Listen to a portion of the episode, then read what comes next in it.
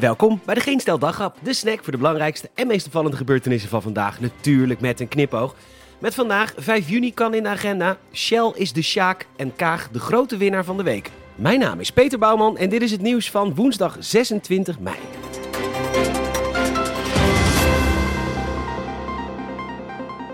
5 juni kan in de agenda. Dan gaan we versoepelen en behoorlijk ook. Dat is vier dagen eerder dan de bedoeling was en er wordt geen onderscheid meer gemaakt tussen de droge en de natte horeca. Kroegen mogen dus ook gewoon open met maximaal 30 personen en voor hele grote zaken wordt gekeken of er meer kan. Twitter-weerman Ed Jantje heeft er even een model op losgegooid. De eerste dag dat het 30 graden kan worden is jawel 5 juni.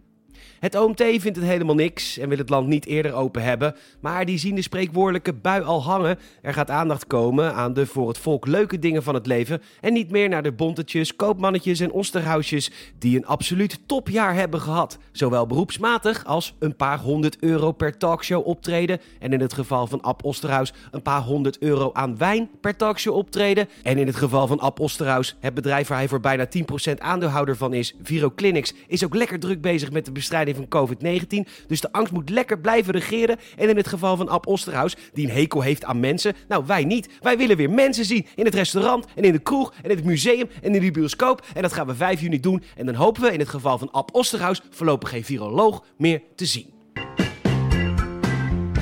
Vandaag hebben Milieudefensie en 17.000 burgers een rechtszaak tegen Shell gewonnen, dat meldt de NOS. De rechter is duidelijk. Het oliebedrijf is verplicht via zijn concernbeleid om eind 2030 de CO2-uitstoot van de Shell-groep, zijn toeleveranciers en afnemers streng terug te dringen met netto 45% ten opzichte van het niveau van 2019. En let wel, dit oordeel geldt internationaal.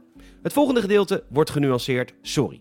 Shell is natuurlijk een walgelijk bedrijf. Ze wisten in 1986 al van klimaatverandering en deelden dat binnen het bedrijf met op elke pagina groot vertrouwelijk. En, en, kun je je nog herinneren dat Shell een aantal jaar geleden klanten de optie gaf om extra te betalen per liter benzine, zodat dat geld zou worden ingezet om klimaatverandering tegen te gaan? Ja, dat is natuurlijk de omgekeerde wereld. Dat is alsof je naar de gezellige exotische slager gaat. Je bestelt een stukje Bengaals tijgervlees en je krijgt dan de optie om bij te betalen om Bengaalse tijgers te redden. Walgelijk bedrijf. Maar dat de rechter deze uitspraak doet, is op zijn minst vreemd, want daar gaat de politiek over. Want dit is een uitspraak over een CO2-voetafdruk. En als dit een hellend vlak wordt, wat vaak gebeurt, kan elk bedrijf worden aangeklaagd. Maar ook elke burger die te veel auto rijdt, een vliegtuig pakt, te veel winden laat of een kind op de wereld zet. En dat gaat leiden tot een behoorlijke tweedeling in de wereld. Want die 17.000 burgers, waarvan er ongetwijfeld een heleboel op Eiburg wonen, die hebben natuurlijk geen last van dit soort dingen. Die kunnen een duur vliegticket kopen naar Bali om daar lekker zichzelf te vinden, want dat kan nooit in Nederland. Vliegen terug om Shell de schuld te geven. Ze willen geen windmolens in het gezichtsveld, die moeten in de buurt van de arme mensen in de dorpen. Bij mensen die geen zonnepanelen op het dak, aandelen in windmolenparken vooral heel ver weg, elektrische auto's, biologische kipfilet 300 gram voor 8 euro 25 gewoon bij Albert Heijn. HR++ isolatieglas. Shit, na vijf jaar is die weer lek. Weer 800 euro kunnen betalen. De politiek moet hierover gaan. En welke meerderheid er ook is, daar kunnen we het mee oneens zijn. Erop galbakken, zeiken, schreeuwen. Hugo de Jonge kan nog steeds helemaal niks. Maar dan is dat in ieder geval democratisch en niet door een niet verkozen rechter beslist. Rotterdam heeft een fantastisch weekend beleefd. Het Songfestival. Het grootste evenement voor en door mensen met een verstandelijke beperking. Het was een enorm succes. En na dit knopen je zakdoekfestijn is het nu tijd om ook mensen met een fysieke beperking te verwelkomen.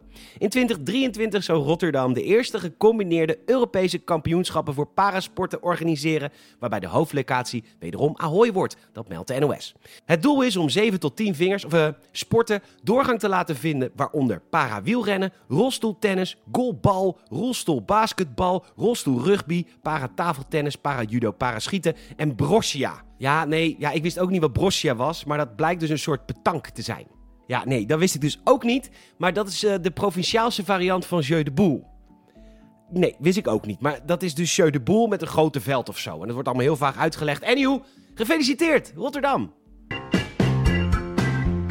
Vanochtend heeft informateur Hamer de VVD, D66, SP, CDA, PvdA, GroenLinks en de ChristenUnie op de koffie gehad. Maar daar is niet heel veel naar buiten gekomen, want ze hadden afgesproken alles een beetje stil te houden.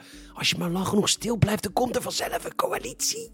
Spannender waren de berichten in de Telegraaf over een clash afgelopen vrijdag tussen Rutte en D66-leider Kaag.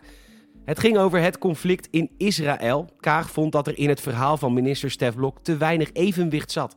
En dit vond Rutte stom. Hij vond Kaag eenzijdig pro-Palestijns. En toen stormde Kaag naar buiten. Een bewindspersoon meldt anoniem dat Kaag Rutte een opportunist vindt. Echt? En Rutte vindt Kaag hautain. Echt? Ze spreekt nog volkser dan prinses Beatrix.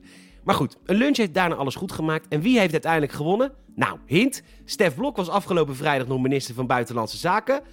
En sinds gisteren is Kaag dat. Game, set en match. Bedankt voor het luisteren en zelfs enorm helpen. Als je een vriend of vriendin vertelt over deze podcast en ook een Apple Podcast review, zouden we echt heel tof vinden. Komen hoger in al die lijstjes. Nogmaals bedankt voor het luisteren en uh, tot morgen.